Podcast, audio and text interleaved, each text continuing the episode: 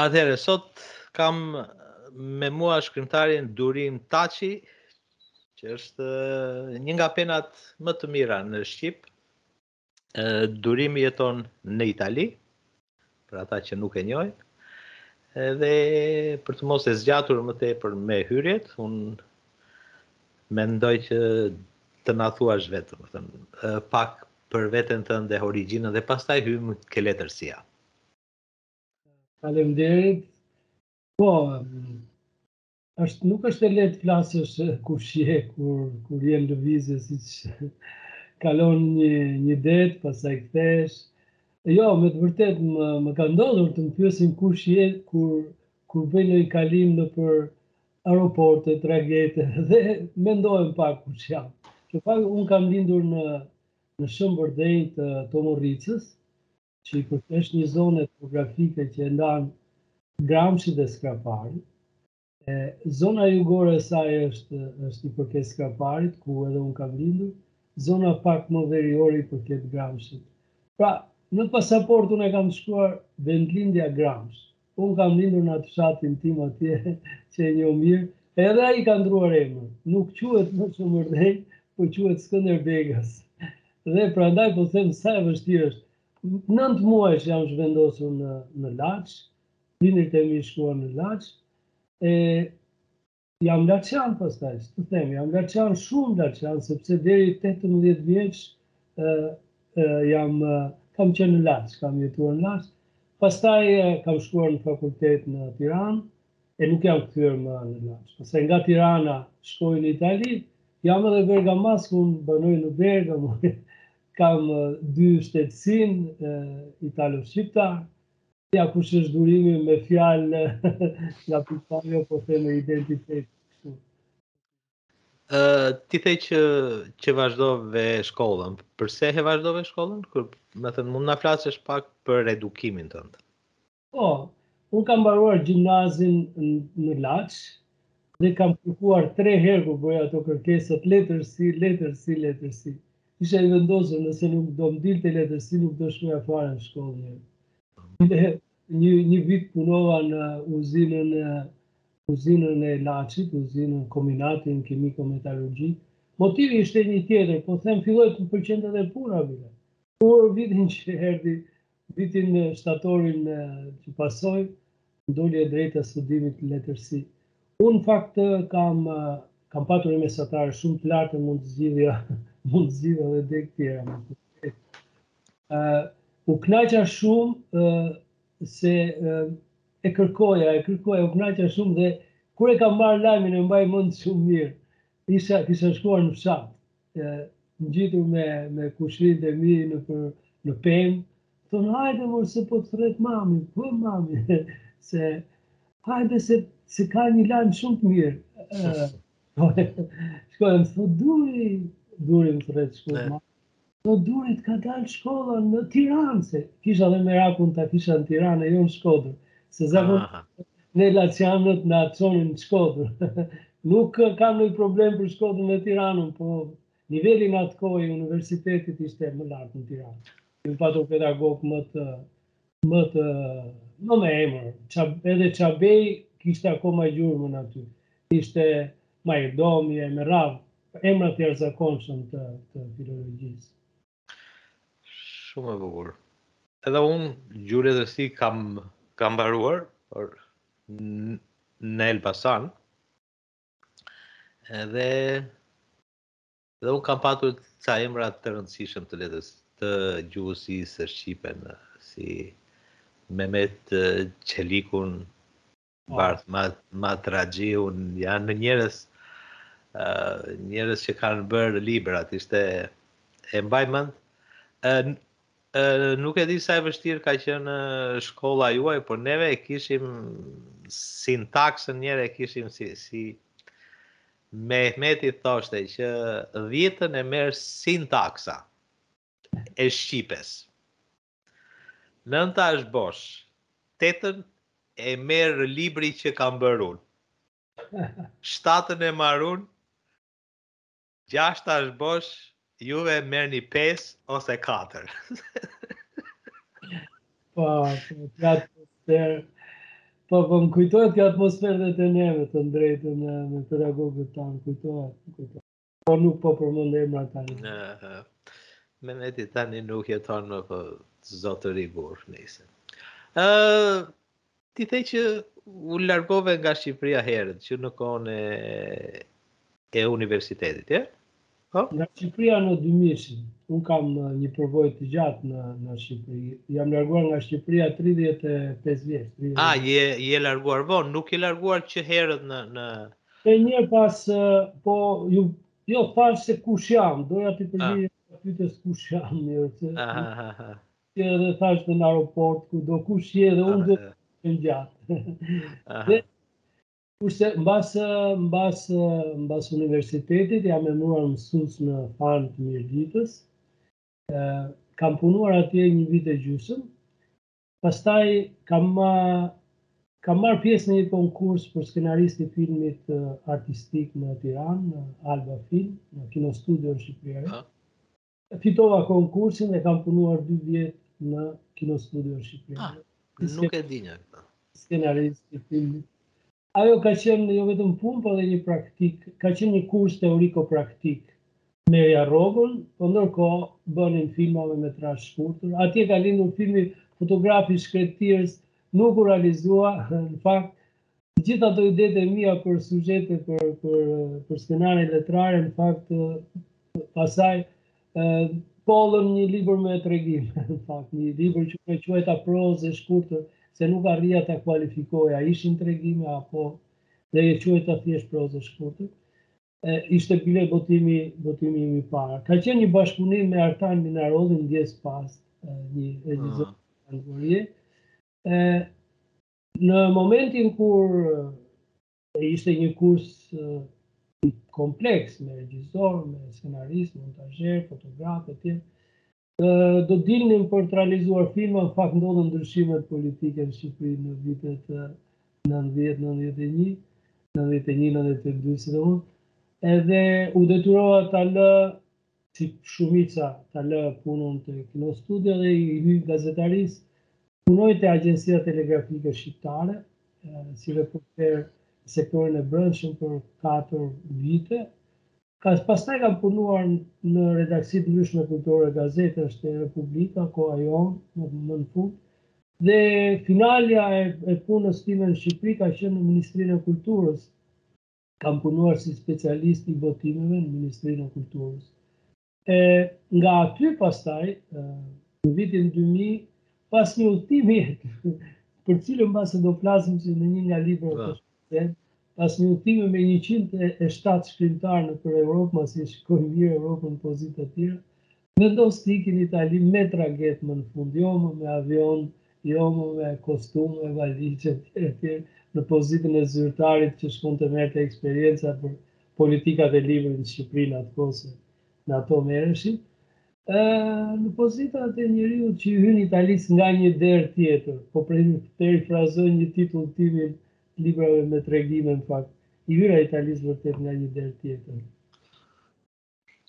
Edhe unë kam patur me Italinë një marrëdhënie shumë të ngushtë. Kam akoma, po unë kam shkuar për herë të parë në 1992-shin. E kam jetuar 2 vjet në Kazenca, është një vend tepër mikpritës, me gjithë racizmin e vet, me gjithë atë domethënë asnjëherë nuk të ngel hatri kur të thonë va via albaneze di merda. nuk më ngel hatri për sepse i them edhe ore italiano di merda e, e più vecchio. Kështu që është është një vend i mrekullueshëm edhe të përgëzoj që e ke zgjedhur sepse Është nuk ka asgjë të keq ai vend. Përveç rrëmujës së njerëzve nëpër autostrada, gjërat e tjera mirë janë. Ëh, t'i kthehemi pak se na na fute ke nostalgjia e, e, e të shkuarës. Në vitin 2000 vajte në Itali, ëh, u vendose një çik e vështirë në, në atë kohë për t'i bërë letrat atje, si bëre? Po, unë, unë kam ikur në pozita shumë komode. Po. Kisha letrat në xhep kur ika në Itali, kisha punë të garantuar kur ika në Itali. Mm -hmm. Më erdi ajo që quhet nula osta, e kisha, unë vetëm, unë problemi im ishte që nuk doja prapë se prapë të shkoja. Dhe gjashtë muaj me vizën në xhep dhe nuk ikja. Domethënë, ka qenë e kam përjetuar keq ikjen në Itali. Në të drejtën, unë po ndihesha shumë mirë në Shqipëri. Ishte një moment ku ku gjërat po më shkonin mirë, po botoja, po shkruaja, po përktheja, gjithë ato aktivitete që i bëj sot e kësaj dite i kisha nisur mbarë që në Shqipëri. E E atëherë motivi i ikjes ka qenë familjar, në fund të fundit kisha familjen këtej dhe do do do shkoja për këto motive. E dyta ka qenë se familja nuk përbëhej vetëm nga unë, unë kisha dy fëmijë dhe dhe grua.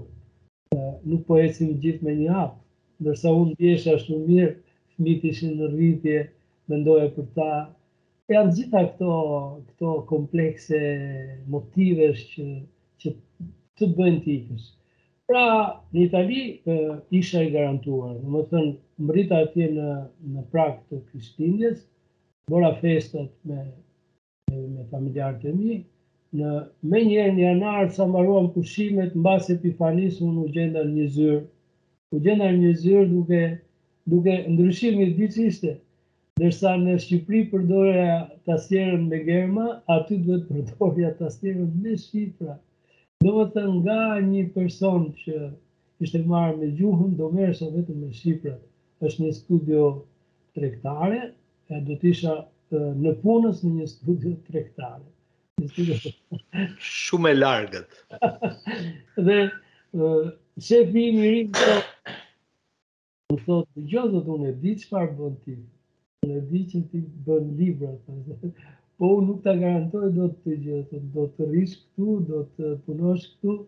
Ë për mua këtë punë e ke të siguruar ë Në fakt këtë gjë ma tha mas 2-3 muaj, se më provoi një çikë kush isha, si isha, filloi të ketë pastaj garanci, erdhi me mua bëmë, bëmë atë mutuo, si quhet në shqip, bëmë kredinë e shpisë, bëmë kredinë, bleva shpi, ndërkohë do të merrja familjen. Familja do vinte, do vinte, mas nëntë muajsh unë do, do sillja familjen, gruan dhe dy fmi, e do hynim në shpinë tonë, do paguanim shpinë tonë.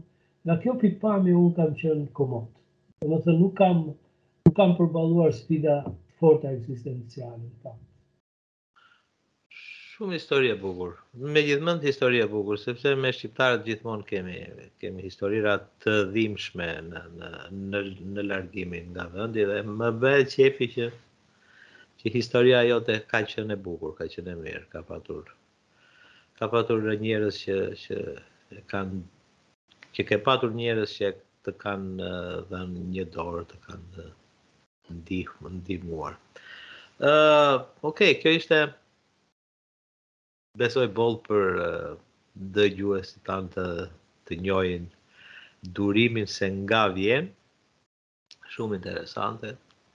Me gjithë mend shumë interesante, siç e thashë. Ë, uh, unë jam kurioz tani që të duke ditur këtë historinë tënde personale,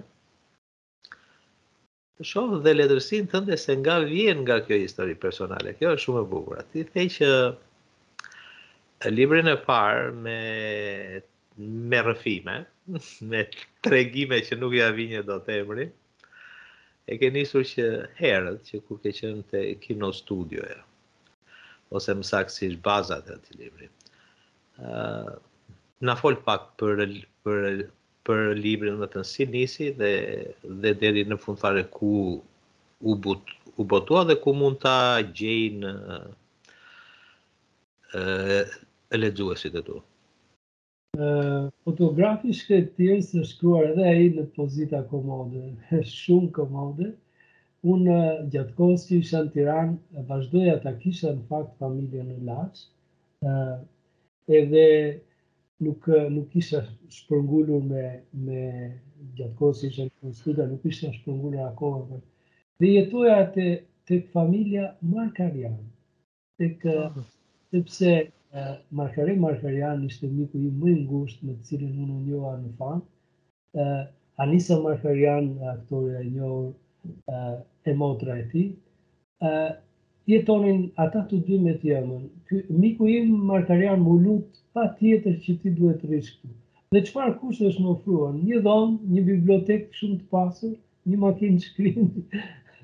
Isha me të vërtetë me fat në atë në atë moment dhe janë tregime të shkruara në pozita vërtet komode. interesante ishte se si atmosfera ishte ishte e vështirë shumë e rëndë. Ndodhnin ishte momenti i ndryshimeve më të thella në Shqipëri. Edhe i dhunës, edhe i vrasjeve nëpër rrugë, edhe i protestave tek tek Shkolla e Bashkuar, edhe vrasja e katër heronjve të demokracisë në Shkodër, që reflektonin ngjarjet pastaj në Tiranë. Vajtja jonë tek protestat e studentëve, kineastë që shkonin gjithmonë e fotografonin. Unë pastaj që gjendem në 20 shkurt në hedhjen e statujës bashkë me kolegët e mi të Kinostudios, duke hedhur statujën, jo duke ndejtur me duar në xhepa, po duke qenë dhe një pozitë Nuk isha trim fare, po ishin të tjerët, ishte, nuk e di, thoshte, po hec, hajt, ktheja kokën, kthehesha mbrapsh, të ta lëse me vete kur filluan ato karikat e policisë, ato, ato, në të forta të, sidomos të, të shkolla, të shkolla te Liceu artistik ndodhi që dhja dhe më dhe shëm, u shemb një mur dhe me tullat e murit u gjuaj atyre që ne u thoshim sampistë. Se aty ishte problemi, do shkohej nga bloku apo do shkohej te qendra.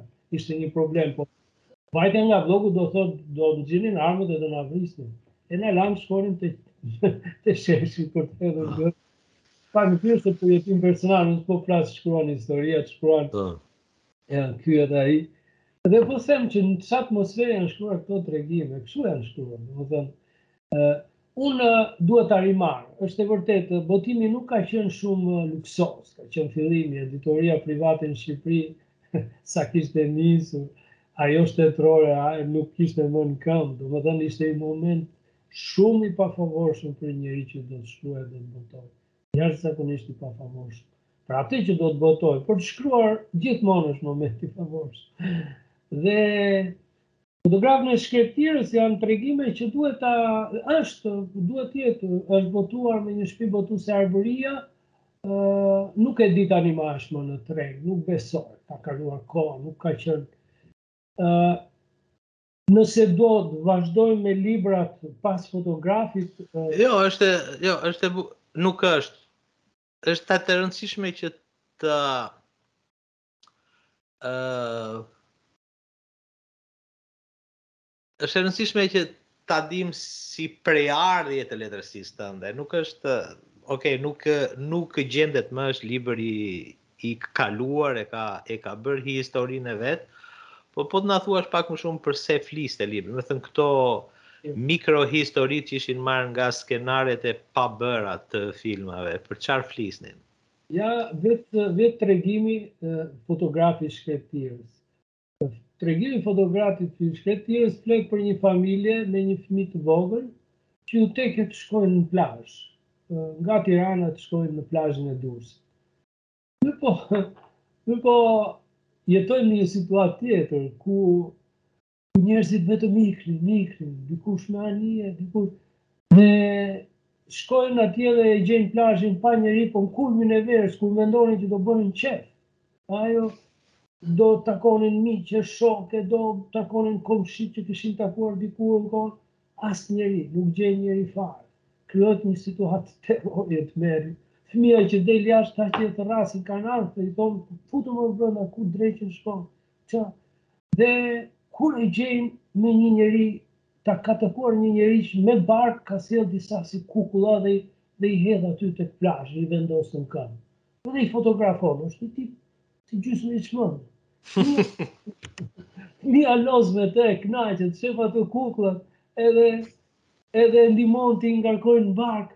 E jo, ma ta merrja, të shikon nga lart, që ai ka, kukla, kufoma, që është të njeri nga lartë, do në marë e djallin, do, do të na e rrëmbejë me vete, krijohet situatë. Shkon i thotë,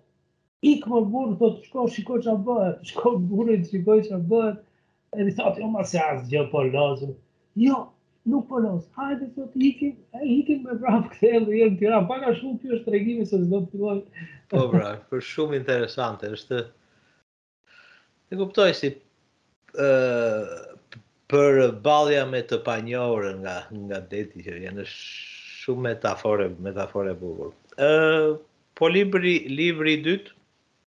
Libri i dytë është është Gratë e Diellit, është roman. Ë libri i dytë është botuar është botuar po nga nga Fishta, shtëpi botuese në Shkodër. Jo. libri i dytë në fakt u shit ajo partia që pata si i pari jo dhe aq se thash te i pari ishte nuk e kishin mendjen njerëzit fare po fare te libri po. kurse te i dyti i dyti ndodh që botohet në 98 domethënë kaloi edhe 97 e tmerrshme edhe ishte një situatë akoma pak sa po e merrnin veten në mashallah e Gratë e diellit është një roman filozofik. Është për t'u çuditur që e filloj atë të shkruarën time me një roman të natyrës filozofike. Në fakt, le po themi çfarë flet. Historia e historia e e matriarkatit, por jo më kaq. jo, edhe pak më përpara.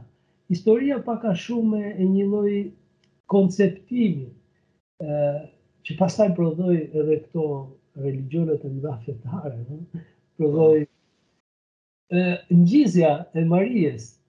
Domethënë në ç'sens, gratë e diellit çfarë janë? Janë nuk arrijnë të ndajnë aktin seksual me shtatzaninë dhe me lindjen e fëmijës. I ndajnë ato. Domethënë, ato është një një situatë grash që jetojnë në një një vend me me me meshkujt e tjerë, kalojnë situata dhe mendojnë se në fund të fundit shtatzania u vjen nga dielli. Rrinë në disa fasole si kulte, rrinë aty me barkun zbuluar, edhe shikojnë që u rritet barku, avash avash, edhe prodhohen këta fmit. Edhe prodhohen, Sepse dikush një tregtar vjen nga përtej detit edhe i blen këta fmit.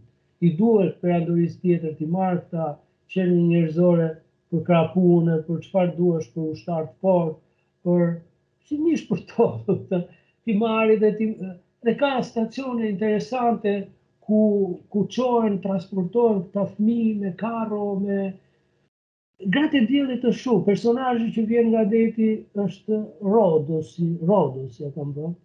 Ë e vjen në, në fillim heton e pastaj fillon të tregti njerëzish. Nuk po zgjatem shumë se gratë e diellit është më i thellë se kaq.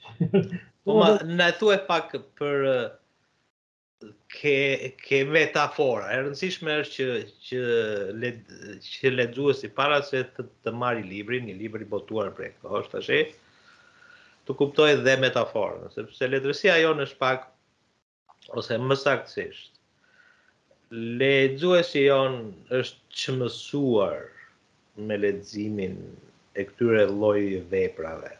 Kështu që kush është të metafora ajo që ke dashur të thuash me këtë roman? Ajo që dëgjo, nuk mund të ekzistojnë komunitete të ndarë. Një pjesë, fillojnë urat e komunikimit, nuk mund të ekzistojnë komunitete, një pjesë në një stad lart zhvillimi, një pjesë tjetër një stad parak zhvillimi, është pak e vështirë të hyhet në marrëdhënie dhe është pak e vështirë. Po kisha parasysh, metaforikisht kisha parasysh Shqipërinë, kuptohet Shqipërinë e asaj periudhe, nuk mund të simbolikisht kisha Po po them kjo është një fazë parake e, e simboleve. Unë e kam tejkaluar këtë me të drejtë. Po. Shumë e ndryshe sepse po ishim akoma në 900. Sa rrot të gjë, ishim akoma në shekullin e kaluar. Shekulli i izmave ishte akoma. E romanet e mia po do ndikoheshin nga izmat e shekullit që lamë. Nuk është gjë e keqe, është reflektim i kohës, është reflektim i mënyrës si shkruhej letërsia, një letërsi alegorike, kjo është alegori e tërë ky roman. Alegori është simbolizëm, është ana metafore, metaforike është e zhvilluar. Është një e shkruar që me thënë të drejtën e kam braktisur.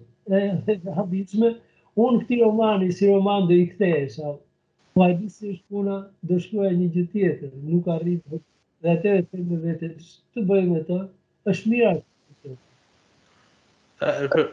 Unë e kuptoj atë nevojën që kemi ne për të për të ribërë ato për të çbërë ato gjërat Që janë bërë keq dhe ribërë gjërat që mund të ishin bërë mirë dhe kjo është një sëmundje e të gjithë autorëve dhe piktorëve dhe e skenaristëve, e shkrimtarëve keq e më keq. Megjithatë, kam mësuar që rishkrimi është i vlefshëm deri në një farë pike ku jeta, ku vepra të është larguar prej teje. Në atë moment nuk e ke më tënden se se nuk je më ti ai që ke qenë kur e ke shkruar dhe kur e lexon thua ça dreqi kam shkruar këtu këtu kjo. Në në këtë rast nuk është ky problemi. Ku është problemi? Problemi është tek estetika. Nuk është tek niveli. Libri është i po, plot. Po e njëjta gjë. Jo, jo, po e njëjta gjë. është çështja e nivelit shiko. Në vetvete, për shembull, po të marrim sot një libër po them edhe të shkrimtarëve tanë të mëdhenj, ë ehm, janë të mirë në vetvete, por po i lexoj duke menduar atë kohë, duke menduar dhe në marrëdhënie me atë që ti shkruan sot dhe me estetikat e sotme të narracionit e tjera, je pak i distancuar. Unë kam këtë distancë ndaj tij, si një, një distancë të natyrës, një lloj nostalgjie reflektive, një marrëdhënie me të. Por nuk them që nuk arrij ta shaj dot të drejtën. Jo, nuk e, nuk e shajmë, po unë, unë e vë re për shembull me, uh, me shkrime që kam patur para, para 20 vjetësh, ku ndihet edhe mosha, Domethënë që edhe fjalori i përket një moshe tjetër. Domethënë edhe personazhin e trajtoj si të barabartë në atë kohë, për shembull, sepse isha edhe vetë i ri. Kurse sot, kur e marr personazhin dhe dua ta shkruaj, nuk e trajtoj dot më si të barabartë, 55 e kusur vjeç, domethënë është... Dua të them që nuk është se e shajmë letërsinë, por kemi një perspektivë tjetër, tashi domethënë, një këndvështrim tjetër më të mhm. më të heshtur. Jo aq të zhurmshëm, domethënë, rrimë dhe mendojmë dhe themi Ta sa sa bukur ishte po t'i kisha këto mend që kam sot, t'i kisha atëherë. Nëse për uh, librin e dytë dhe do flasim pastaj për uh, librat se ti je një shkrimtar dygjuhësh, italisht dhe shqip. Domethënë, e, mund të na, unë i kam këtu listën, po do ishte, është mirë që ti të na i thuash vetë, sipas e, historisë së shkrimit.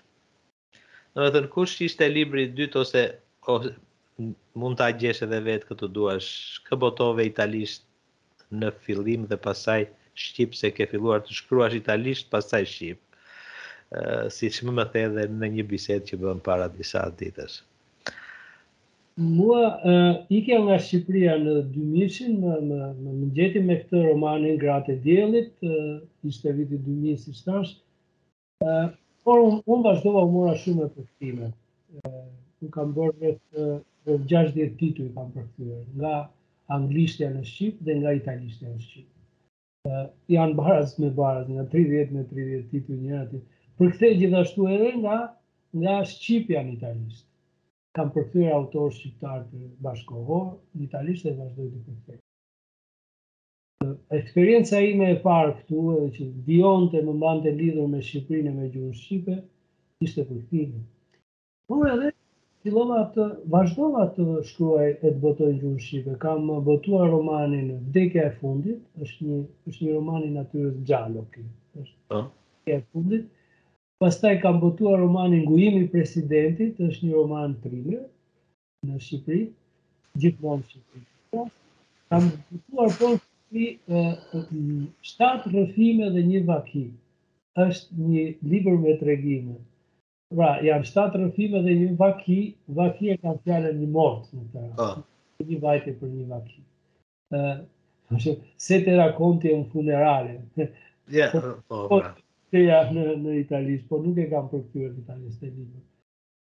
Ë pastaj menjëherë në Itali, dalja ime në Itali ka qenë me një tregim. Fillova me tregimin Badante, La Badante. Ë këtë tregim e kam çuar në një konkurs menjëherë, e shkrova në italisht s'e kisha shkruar ende shqip.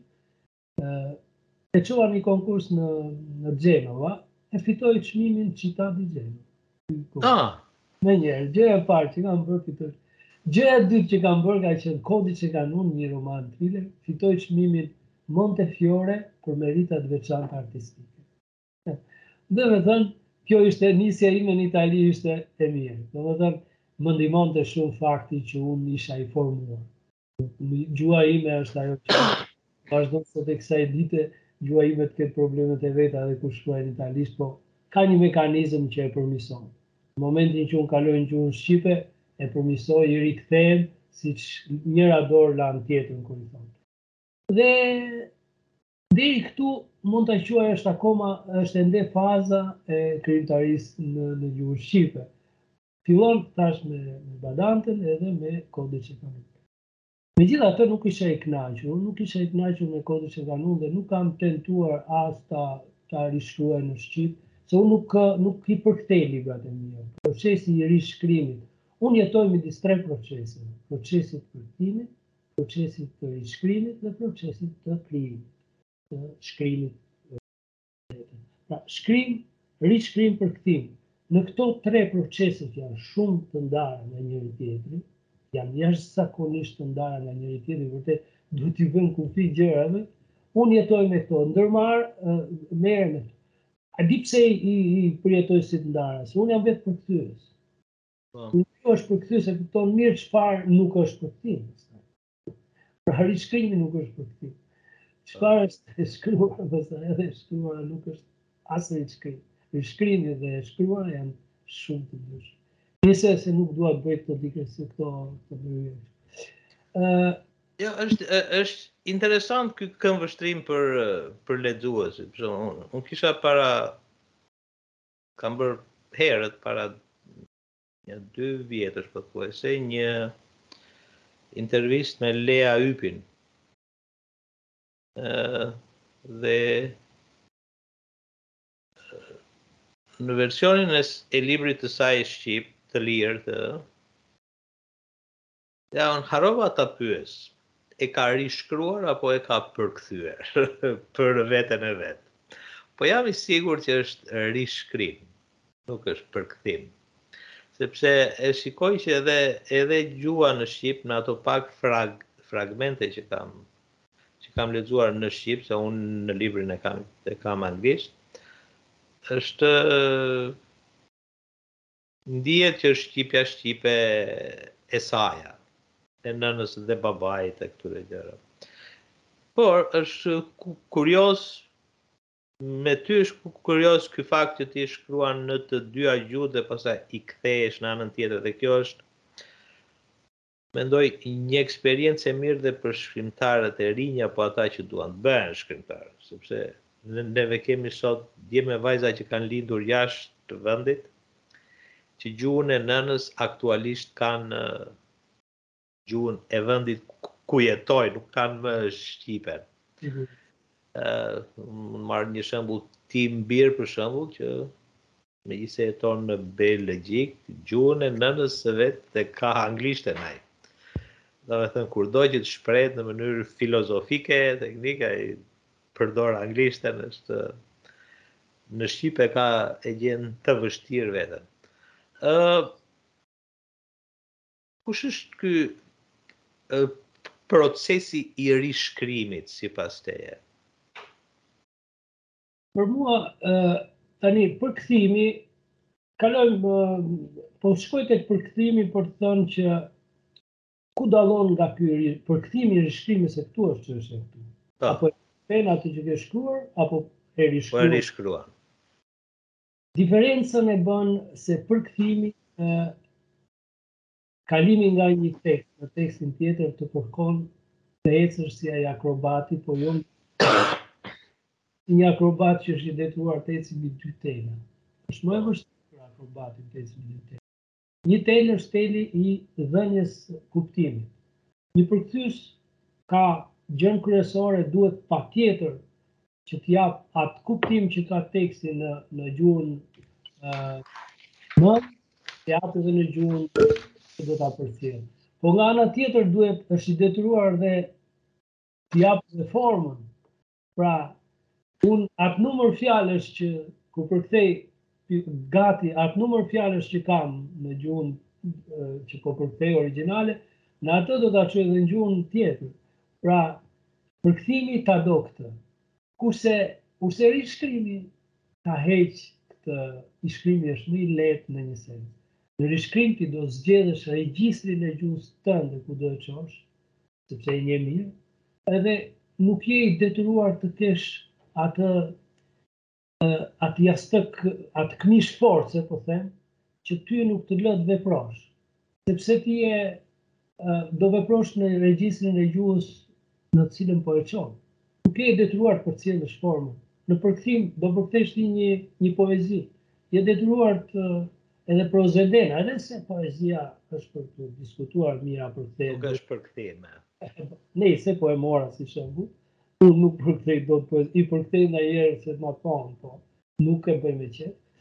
Dhe duhet të them që përkthyesi do të përcjellë kuptimin dhe formën. Në rishkrim ti do përcjellësh kuptimin dhe do zgjedhësh regjistrin e gjuhës tënde. Je më i lirë në rishkrim sesa në përkthim për të përkaluar më ta. Po pra, është e, un, e kam vënë re edhe vetë se po po rishkruaj gjërat që kam në shqip, një libër që do botohet së shpejti me novela dhe kam nisur ta rishkruaj në anglisht. Dhe është është shumë komod të mos e respektosh autorin. është komoditet i madh. Ti thua, ok, ty s'po të pyes shumë unë tashi, se domethënë gjë që nuk ia lejojmë vetes te përkthimi. Po te, te rishkrimi, i themi vetes ik tashi, se kam punë tjetër unë këtu. Jam autor tjetër, nuk jam ai autori që ke bërë ti këto. Edhe është një, është, është një dyzimi i brendshëm dhe dhe mendoj është edhe një kënaqësi e rikrijimit që të jep mundësi të shprehësh gjëra që ndoshta në gjuhën në të cilën e ke shkruar veprën për herë të parë nuk ke patur mundësi t'i shprehësh sepse ka kufizime dhe personazhi ka mënyra të foluri dialektika gjuhësore që s'i përshtaten Dhe e vë re këtë që është, është një proces shumë komod. Dygjuhësia, po thoja, dygjuhësia, nuk është çështje amalgamimi i dy gjuhëve, është çështje shtresëzimi, është çështje regjistrash gjuhësorë, gjuhët janë sisteme, dhe për këtë të lejojnë të kalosh nga njëra te tjetra, por nuk të lejojnë të të krijosh mënyra për këtë motiv, jo kur the që kam lirinë. Rishkrimi është liri, liri deri deri një farë mënyre sepse brenda brenda sistemit të gjuhës. Por kjo është çështja, domethënë është çështje shtresëzimi, është çështje regjistrash gjuhësorë tani. Është Ok, po kjo është temë shumë e gjatë dhe do hallakatemi vjen. Mm -hmm. uh, ti ke botuar tre libra italisht, tre? Po, tre libra janë botuar italisht, i katërti është botuar italisht. Ok, uh, na fol pak për, për këtë letërsi, domethënë, çfarë Se jam jam kurioz që të di është letërsi italiane apo shqiptaro italiane. Kjo është ajo. Ja, unë në fakt kur flas le ta nisim për për letërsinë shqiptare, për letërsia është letërsi në fakt, edhe shkrimtari është shkrimtar. dhe ato pastaj studimet kritika interpretimet e tjera janë janë faktor jashtë letrar për për shkrimtarin, nuk kanë lidhje me jashtë krijues, jashtë shkrues e tjera. Unë le të kthehem pak tek ideja edhe e estetikave. Kaluam shekullin dhe kaluam kaluam shekullin edhe kaluam në atë post. Flitet shumë post, post, post. Po bra. Edhe ne jemi pak post, jemi spostuar nga pikëpamja, kemi pësuar një transport në kohë. Dhe nuk flitet vetëm për për për letërsinë post narrative, është një nar post narrative, nuk po them, është një post i postit. Po. Po më pata një kërkim në, në një kërkim jo të natyrës që vinte uh, përvoja ime e zakonshme është përvojë leximesh. Eksperienca leximit si e kujtdo tjetër që, që shkruan nuk ka ndonjë gjë. por ndieja nevojën me të vërtetë që të pasuroja, të kisha një projekt letrar tjetër. Dhe dhe vendosa të, të shkoj në një, kam kryer një shkollë filozofie në Milano, është një shkollë psikanalitike, e, e, filo, praktike filozofike, shkolla, është tre vjet kam shkuar aty dhe me idenë Për të pasuruar narrativën time nuk kam shkuar për të studiuar filozofi se më pëlqente filozofia, kush e di, nuk e kisha aty pastaj nuk është çështja të bësh filozofi. Ajo është një shkollë e cila biografinë e mendon si si metodë filozofike. Biografinë tënde e mendon. Po. Në si mënyrë kërkimi filozofike. Dhe pas tre vitesh të kësaj shkolle lindi romani Extra Time. Romani Extra Time në versionin e tij italisht është është botuar nga Mimesis Edizioni. Po të shikosh të kolanën, të shikosh kolanën e njerëzve që që që e kanë kaluar, është është interesante për shembull. Është një komitet shkencor me profesorë universitarë, Ivano Gamelli, Paolo Jedlowski, Romano Madera, Chiara Mirabelli, sono janë më fal, janë emra, janë emra të gjithë që edhe një do të thotë si ka mund si është roman ky, sepse ky lind nga një është një lloj zhanri këtë e kam quajtur për ndryshe e kam quajtur një mitobiografi. Pra, Mitobiografi, një koncept tjetër. Një thot, ekziston ka romane mitobiografik, në fakt nuk është term shumë i njohur, është term që vjen nga psikanaliza, e ka e ka sjell Ernst Bernard. Ky është një është një është një analist psikologjik i cili ka patur Felinin në vitet 60-70 ka patur e merte në analizë. Si pacient? Po, pacientin e tij Felinin. Dhe ka shpikur këtë termin mitobiografi. Ky termi mitobiografi ka një gjë interesante, sepse edhe po ta shikosh bashkon mitin dhe biografinë thuhet, ë. Mitin si si një si një pasuri kolektive, po themi, dhe biografinë si një eksperiencë personale. Pra, ky roman është shkruar me këtë me këtë ide. Këtë ide në në kokë. Dhe kush e lexon e lexon ndryshe unë jap këtë lexim. Por ajo që është kryesore, në ekstra time fillon ai që unë e quaj projekti i leximit. Unë kam projektin e leximit. Do pasoj pastaj me romanin tjetër një prezencë në ikje, një prani në ikje, una presenza che sfugge, edhe ai botuar në italisht. E edhe do përfundoj me liqenin mes detit. Liqenin un lag, il lago in mezzo al mare, edhe ky roman është gati në, në, në, në, në për botim dhe në italisht. është botuar në Shqipëri, ka marë ka marrë çmimin Fishta, liqenin mes detit, e në Shqipëri dhe është në botim. Po flisja për këtë procesin të projektin e leximit. Është fjalë e madhe këtu ashtu do të projektin e leximit do do të por ajo që më ajo që ka shumë rëndësi nganjëherë nuk është nuk është fakti që kap një gjë dhe ti e zgjidh e çon deri në fund. Thjesht ti të tregosh vëmendje është e rëndësishme. Në qoftë se një shkrimtar mendon nganjëherë po e spostoj vëmendjen time nga e shkruara, nuk po shes më mend se jo, që që e shkruara është gjëja e parë e botës, ta spostoj një herë te leximi, se mbase duke e spostuar vëmendjen te leximi, filloj e shikoj të shkruarën time ndryshe. Ishte kjo. Po, dhe po kjo është, u them që kjo është edhe tipikja e rishkrimit. Që ti nuk e përkthen, por po e lexon veten dhe po e korrigjon për ato që që didak që dinamika gjuhësore e gjuhës në të cilën është shkruar nuk të lejon ti t'i shtjellosh edhe domethënë për mua është një proces rikrijimi shumë i bukur edhe është Edhe gjynah që, që autorët që i flasin nga dy tre gjuhë nuk e nuk merren me, me këtë, sepse është është si ta ta rishkruash një vepër dy herë, edhe është komoditet i madh të thuash, ok, s'të pëlqen ky version, shko lexo atë tjetrin. Po, po, di çfarë, unë po të në jërë, po si ka mundësi e bëjnë, si guxojnë. Unë tekstin tim t'ia jap një tjetri, unë vetë jam përkthyes, po unë që me po, zërë.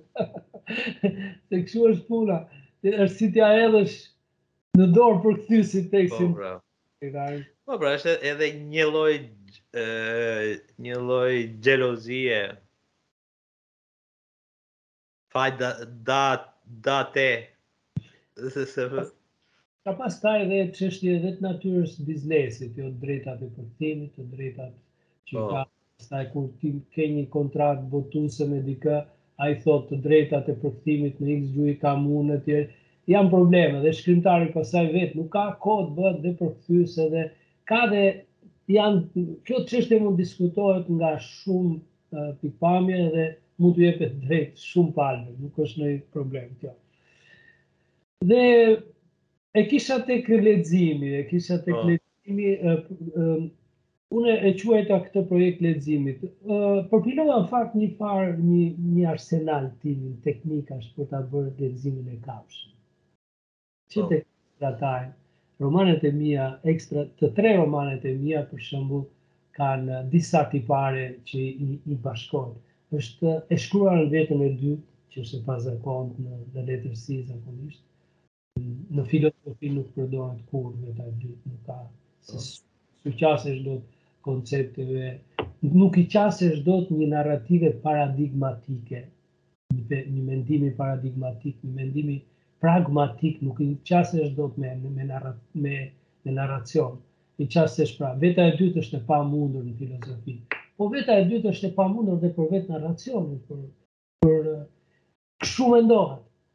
Por në qoftë se vetën e dytë e shoqëron me teknika tjera, për shembull me, me në ironin dramatike e shoqëruar me ironinë dramatike do të thotë që personazhin personazhi di më pak se ç'di lexuesi.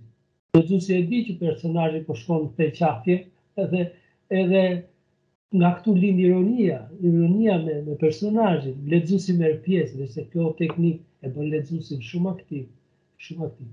Vetë veta e dytë Kur ti mbasi kalon disa faqe, lexuesi fillon e identifikohet me vetën tënde në ty. Pak a shumë thotë more, po mua po më drejtohet ky në vetën e dytë. Tjetër fragmentarizmi të ndodh që ti copëzon tekstin dhe lë hapësira për lexuesin. Në hapësira. Ë luan me kronologjinë, me kohën.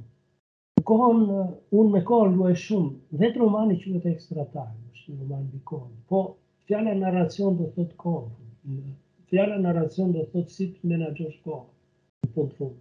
Po. Dhe tash, kjo unë e quaj të përmbyllur një farë mënyre si, si ide, mirëpo E vërej që prapë vazhdoj e shkruaj në këtë në këtë stil. Kështu ka ardhur dhe romani Una presenza, Një prani mike, Una presenza che sfugge. Kështu ka ardhur dhe Liqeni në mes të detit. Edhe pse romanet pastaj kanë historinë e tyre. Për shembull, Liqeni në mes të detit është një roman i ruajtur në sirtar. Ishte në sirtar e unë e nxora. Ishte një variant, ishte një tregim i shkruar italisht nga unë. I prezantuar, një tregim i gjatë, po të njëzet e një faqe, shtatë faqe, i prezantuar dhe ai në një konkurs në Bergamo dhe ku fitoi çmim në konkurs, një mora një diplomë një letër një kështu e lashë e futa në sirtar bashkë me letër nuk e botova në qenë në ministeri erdhi sepse isha i pabindur kisha nisë kisha bërë pastaj erdhi koha pastaj iku koha botua Ekstratar dhe, u kujtova pastaj që kisha futur në sirtar. Kujtova që kisha përdorë në mënyrë të pavetëdijshme të njëjtat mekanizma, të njëjtat teknika të narracionit, sikurse te Ekstratar. Po, po. Atëherë thashë, kjo qenka kjo qenka një linjë, u dashka respektuar. Po. Kjo është. Pa, ky komoditeti, ky shkrimi në, në, në vetën e dytë, që i ngjan Një metodike epistolare në rrëfim, sikur po shkruan letër dikujt, është është interesant, por unë po lexonja dje atë rrëfimin që më nise, Ishte shumë i bukur me me qenin dhe barinjtë. Uh, më fal ndërpres, aty veta e dytë është rudimentale, pothuajse nuk ekziston, vetëm qep.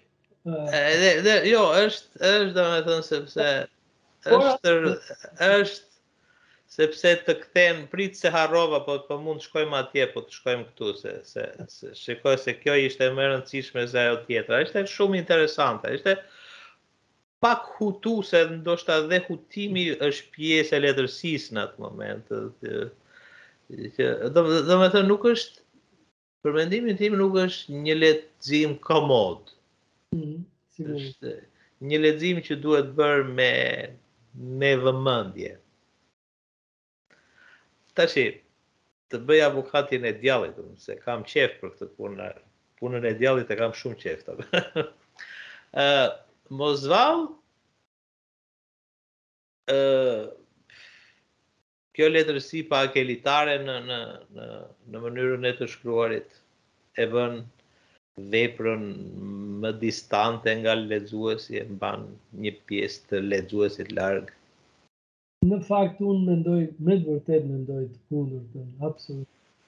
Mendoj që kjo letërsi përfill lexuesin, do të thotë e përfill lexuesin e bën e fton, e, ten, e tenton, e fton, e fton aty brenda, domethënë, e, dhe si si më bje, domethënë, për mua, për mua është kështu.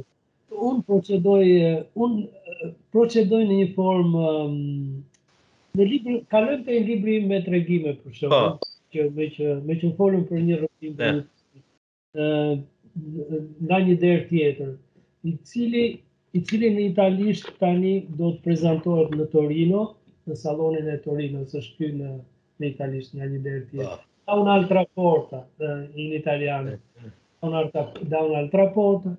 Në shqip, është, në shqip është ky, nga një po, tjetër. nga një derë tjetër e kam po. Nga një derë tjetër ky është libri fituesi i çmimit letrar të letërsisë. Po. Vitin 2021. Po. Tani si procedoj unë në, në me siç procedoj me tregimet në një farë forme, procedoj edhe me, edhe me, me romanet, por e dim që tregimi dhe romani janë të ndryshëm, janë gjini, është nuk është e lehtë flasësh për gjinitë pastaj edhe për edhe për t'i ndash edhe ti po unë po flas për atë mekanizmin e brendshëm për mua për mua uh, unë nuk uh, nuk jam i poetikës së Aristotelit domethënë nuk jam uh, që ta ta çosh lexuesin menjëherë in medias res ta çosh në mes të ngjarjes ta hedhësh aty edhe edhe ta edhe nga aty pastaj është drejt drejt krizës, drejt fundit e zgjidhjes. Unë më tepër jam për in principium. Bile një nga tregimet këtu e ka të e ka titullin in principium.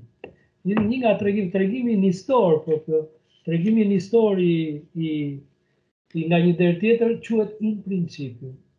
Po pse them këtë? Në fakt Për mua ekziston, për mua në praktikën time në të shkruarit, ekziston fillimi dhe fundi, ose një fillim i fundit. Po. Më shumë se in medias res, për mua ekziston in uh, fi, uh, fin, fine rerum, fine rerum.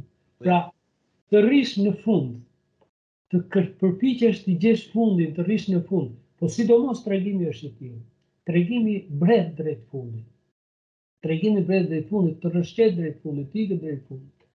Dhe unë mendoj që ky proces nuk mund të bëhet vetëm nga shkrimtari. Domethënë, në qoftë se shkrimtari mbyllet dhe krijon një, një, një, një letërsi solide, solide të qepur mirë, e, që nuk lë as vend për lexuesin, nuk, nuk ia vlen ma, them, nuk ia vlen ma, nuk mund të prodhojmë më të njëjtën letërsi që kanë prodhuar Pa fund. Nuk jam, nuk jam i vetëm në këtë koncept. Unë flas për këtë konceptin e metafiksionit në këtë moment. Po. Domethënë, ë mendoj që ky ky proces i metafiksionit duhet të jetë duhet të jetë i pranishëm dhe i dukshëm. Dhe nuk është nuk është trill, dhe nuk është modë. Është nevojë, është që me Borgesin. Që me Borgesin kjo punë ka ndryshuar një herë e mirë. Që me Borgesin kur ka thënë që moderniteti është të interpret vepra letrare të interpretojë vetveten. E ka thënë. Po. Pra, ai e ka bërë dhe në praktikë, labirint e, e bor. Po, është, është. Është, është një model i jashtëzakonshëm. Unë këtë mendoj, domethënë, unë mendoj që përfillja e lexuesit, bon, e si, e mendon si Bart, Rolan Bart. Po pra, po Borges është nuk është nuk ka një vepër të lehtë, nuk është për të gjithë. Po, e vërtet, e vërtet, nuk është për të gjithë. Unë unë nuk shqetësohem për këtë, domethënë, tregimi, tregimet e mia, libret e mia janë në fakt për të gjithë, po nuk po flas unë dhe Borges se po bëjmë shaka. Po shaka të rënda nuk i bëjmë. Edhe por po them që Unë mendoj që ë duhet pretendosh të shkruash letërsinë që që të vjen. Në nuk mund unë vërtet përfill lexuesin, po unë përfill një lexues virtual, përfill një lexues siç e mendoj unë, lexuesi im në fakt është një trill tjetër, është një po. është një tjetër lexuesi im për lexuesin e vërtetë. Është është personazh, personazh brenda, tha. Lexuesi, lexuesi im në fakt. Po, është është kjo që krijon distancën, atë distancë që është e nevojshme gjatë leximit. Nuk e di a ka humor. Po, po, jo, saktë fare, saktë, po, po më më më bën të mendoj për të tjera gjëra. Okej, okay, ë uh, T'i kthehemi pak Italisë edhe shkrimit në Itali. Ka ka shumë autorë shqiptarë tani shumë. Janë një pjesë e mirë e autorëve shqiptarë që jetojnë në Itali që shkruajnë italisht. Ti i flet që të dyja gjuhët dhe anglishten edhe italishten. Përse mendon që letërsia shqiptaro-italiane është më e pasur se sa letërsia shqiptaro-angleze. Megjithëse ka edhe shumë shqiptarë që jetojnë në Shtetet e Bashkuara. Më, ne po flasim për emigracionin e diasporën në këtë moment si, si element. Në po. fakt, është momenti kur Mos harrojmë që anijet e para iu drejtuan Italisë, është dhe çështje kohore. Po. Iu drejtuan Italisë, u kaluan vite tanimë u bë që në sa u bënë ka 30 e sa vjet a më shumë. Që, që diaspora shqiptare tanimë ka është ka krijuar brezin tjetër, ka krijuar brezin e dytë. është ekonomikisht po forcohet. Po, po. forcohet ekonomikisht. Janë këto elemente, në vendet e tjera nuk është aq, aq, e, është më e re, është diaspora e re edhe në Angli, po e re, diaspora tjetër në Greqi është, është e konsoliduar, po dhe në Greqi ka shkrimtarë të mirë shqiptarë, nuk di a. Po janë disa, janë disa. Ti shkruaj edhe greqisht bile, edhe edhe nuk në anglisht të them, domethënë kemi rastin e Lea Ypit, siç e përmende. Lea, Lea.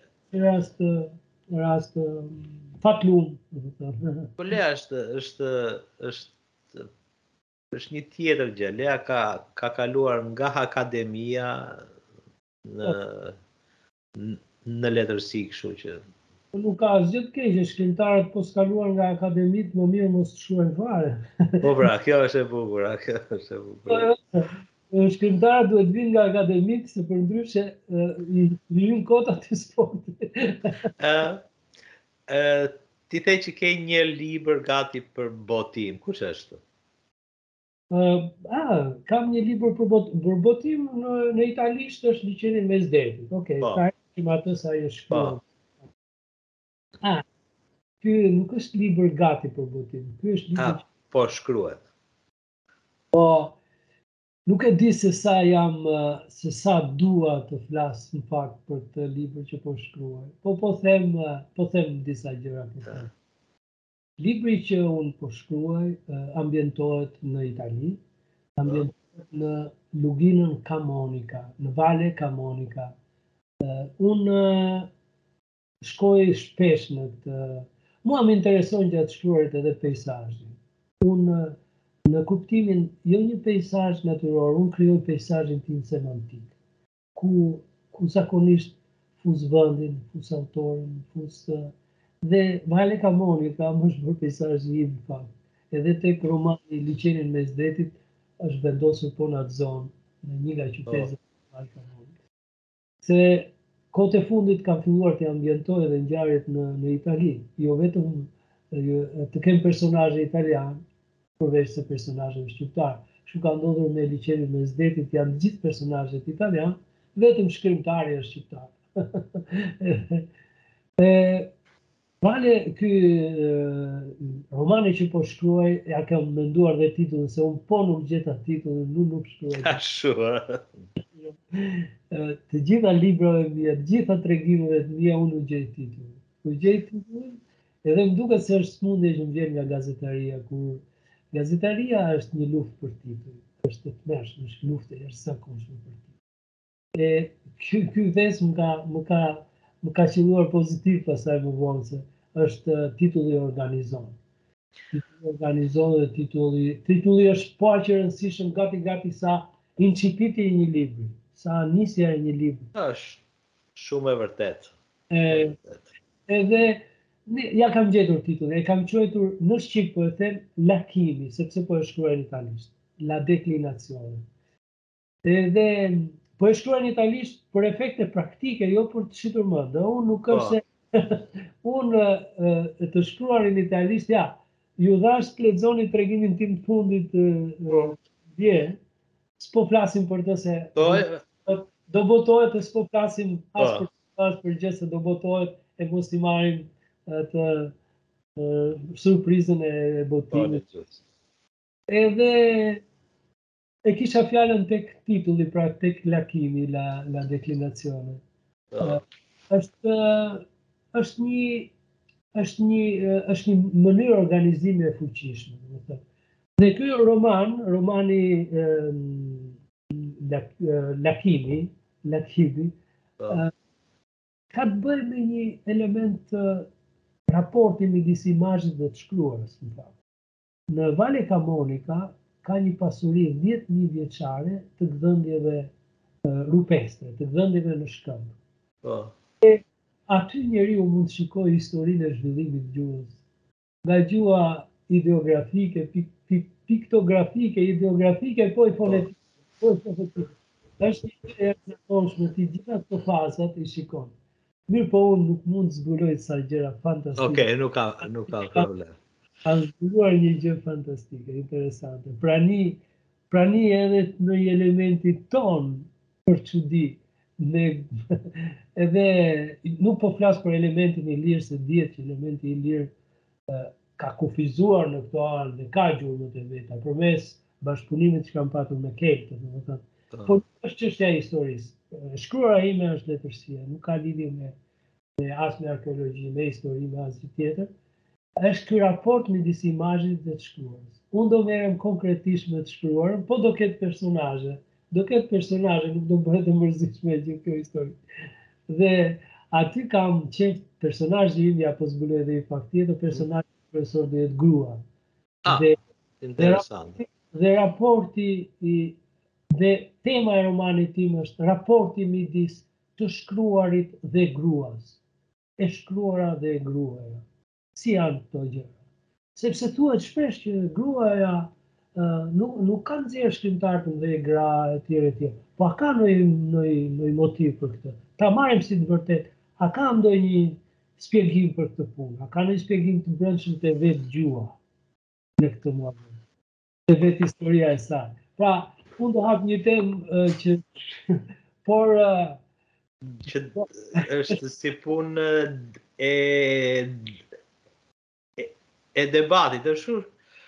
është e vërtet që që shumica dërmuese e historive janë për meshkuj.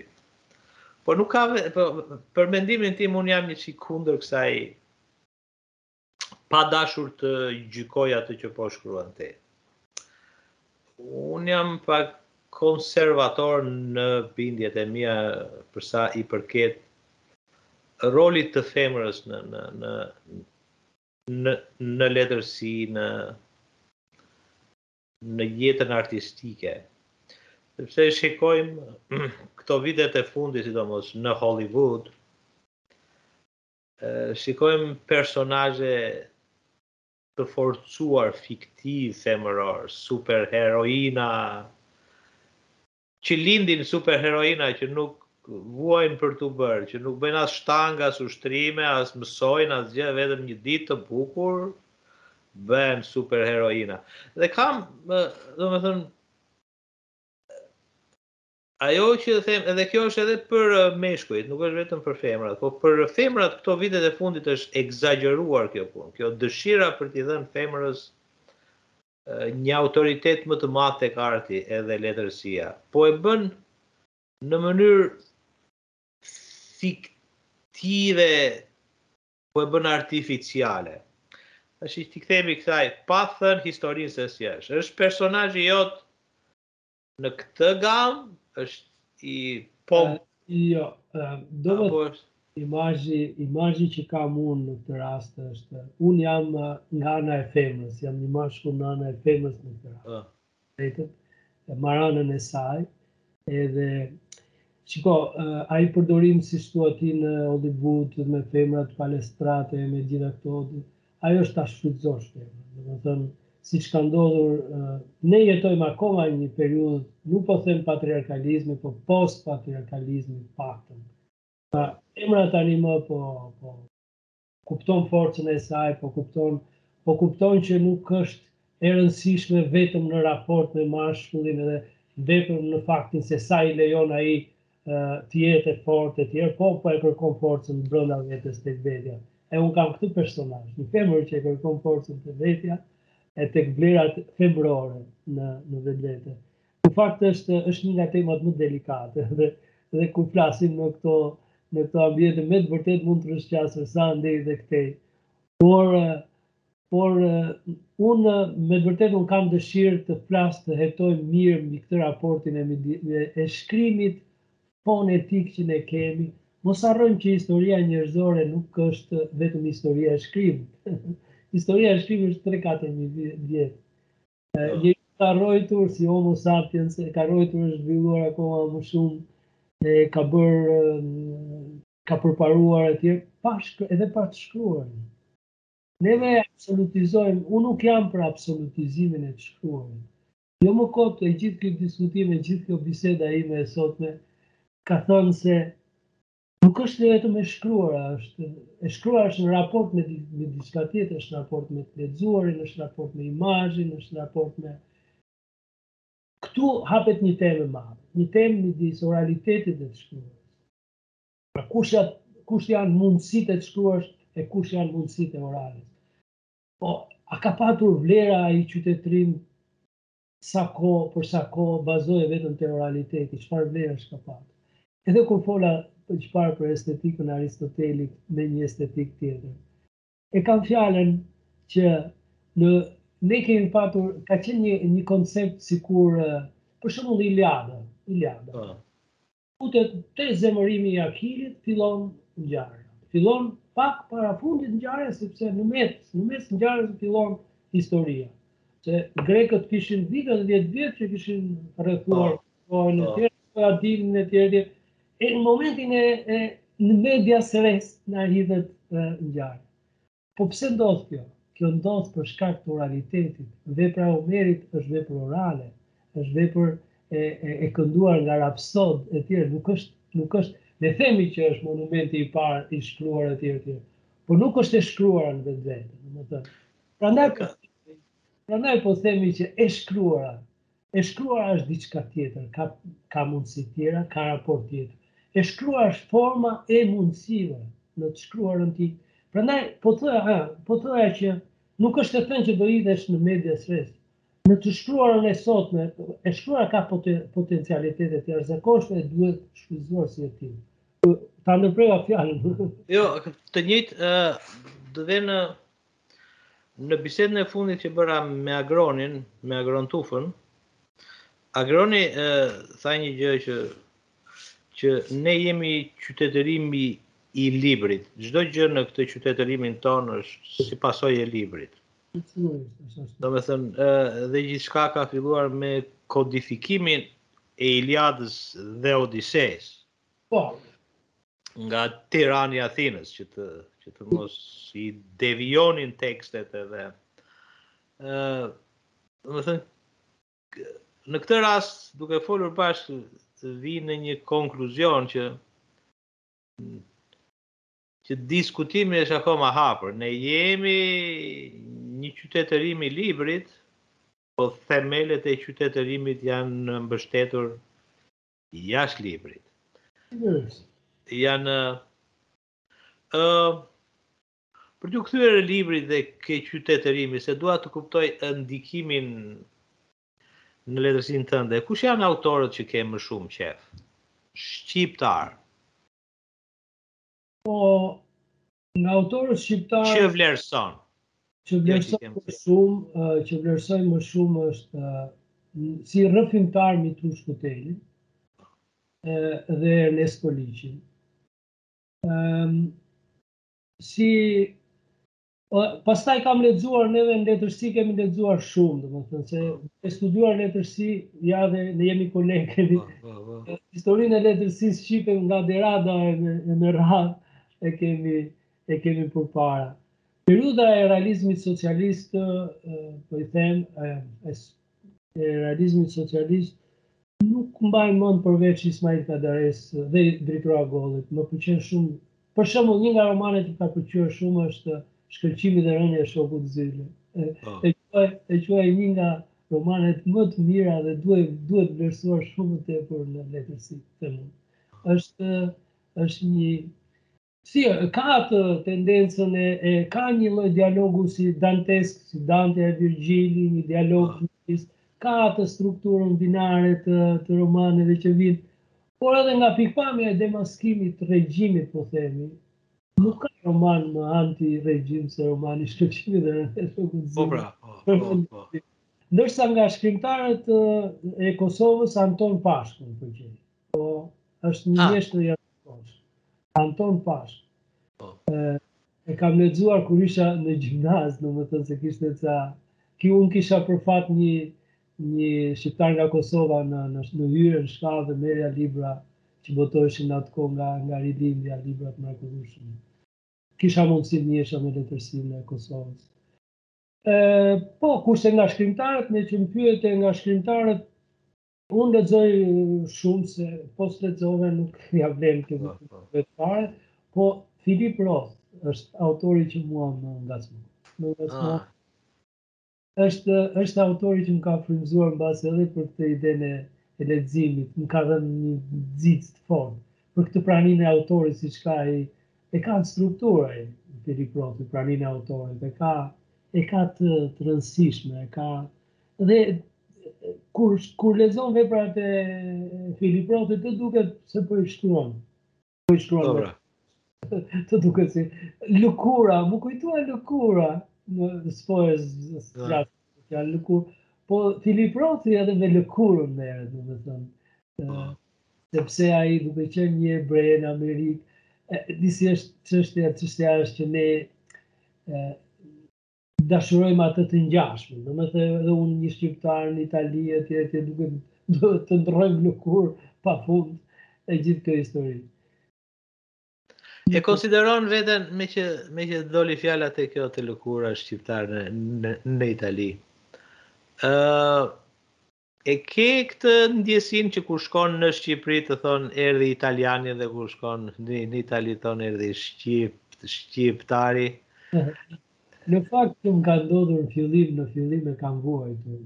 Kur kam vajtur në fillim, u ktheva në ambientet e mia me miqtë e Kinostudios apo të të Ministrisë së Kulturës apo shoqërinë time, Dhe e dija që, edhe pse ishte një lloj afrimiteti kështu në biseda, e dija që unë isha i ikuri edhe përjashtohesha nga biseda, nuk isha më, domethënë, ah. je i përjashtuar. Kjo për po duhet kohë, unë, për, unë mendoj se ky raporti që krijon me vendin mërgimtari, Është një raport që do kohë. Po nuk pate eksperiencën e vendit ku jeton, nuk arrin ta lexosh më eksperiencën e vendit tënd. Unë tani jam shumë më mirë pikërisht se kam kam balancuar, kam baraspeshuar eksperiencën e jetës në Itali dhe me këtë e lexoj shumë mirë. Kam një armë tjetër se nuk mundet, është çështja e nostalgjisë këtu. Ka, ka nostalgji dhe ka melankoli. Melankolia është një element personal. Mërzitem, kam mall për një gjë. Nostalgjia është një element komunitar. Ti ke nostalgji për vendin, për fatet e komunitetit të madh. Pra, kjo melankolia e fillimit kur ikën nga Italia zëvendësohet me nostalgjinë. Nostalgjia do kthehej sëmundje në qoftë se ne nuk dimë të reflektojmë me nostalgjinë. po arrihet të reflektohet dhe të dialogohet me vendin tënd në momentin kur ti ke fituar eksperiencë në vendin ku ke shkuar. Është e gjithë po është kështu. Shumë interesant ky këndvështrim që nostalgjia është një element kom komunitar. Nuk e nuk e kisha parë kurrë në këtë aspekt. Shë, unë dua të të falenderoj për bisedën e këndshme, e këndshme edhe dua që të mbaj ftesën hapur edhe të më japësh fjalën që do bëjmë dhe një bisedë tjetër, kur të dalë libri tjetër ose diçka e ngjashme, po nuk do flasim më për ty, për librat e tu, po do flasim për të tjera gjëra, Ndoshta të diskutojmë, të diskutojmë ndonjë temë filozofike apo nuk e di, po pati ngjarje që ndodhin mes Italisë dhe Shqipërisë. Ë, uh, unë do ta kisha kënaqësi që të dëgjoja komentet e tua për këto gjëra. Dhe dëgjuesit e podcastit jam i sigurt do kënaqeshin shumë. Sepse ti sjell një këndvështrim tjetër që dua ta them në përmbyllje të këtij personazhi. Ti nuk ë nuk vjen si personazhet që dëgjojmë zakonisht që kam vuajtur shumë babai gjyshi ti ke shkuar në shkollë, në kinostudio, në media, ke shkuar Itali pa i hipu gomoneve, me punë, ke blerë shpi. Kështu që uh, ke një këndvështrim tjetër të, të jetës. Një këndvështrim që për shqiptarët është pak i huaj. Dhe më pëlqen ky ky komoditeti jot i të parit të gjërave me një sy një çik aristokratik kështu. Kështu që dua ta vazhdojmë këtë bisedë në mënyrë aristokratike në në në kur të vish herën tjetër. Të falenderoj jashtëzakonisht shumë. për bisedën edhe i kërkoj falje dëgjuesve për defektet, shkëputjet teknike, po interneti nuk varet as nga unë edhe as nga Durimi, kështu që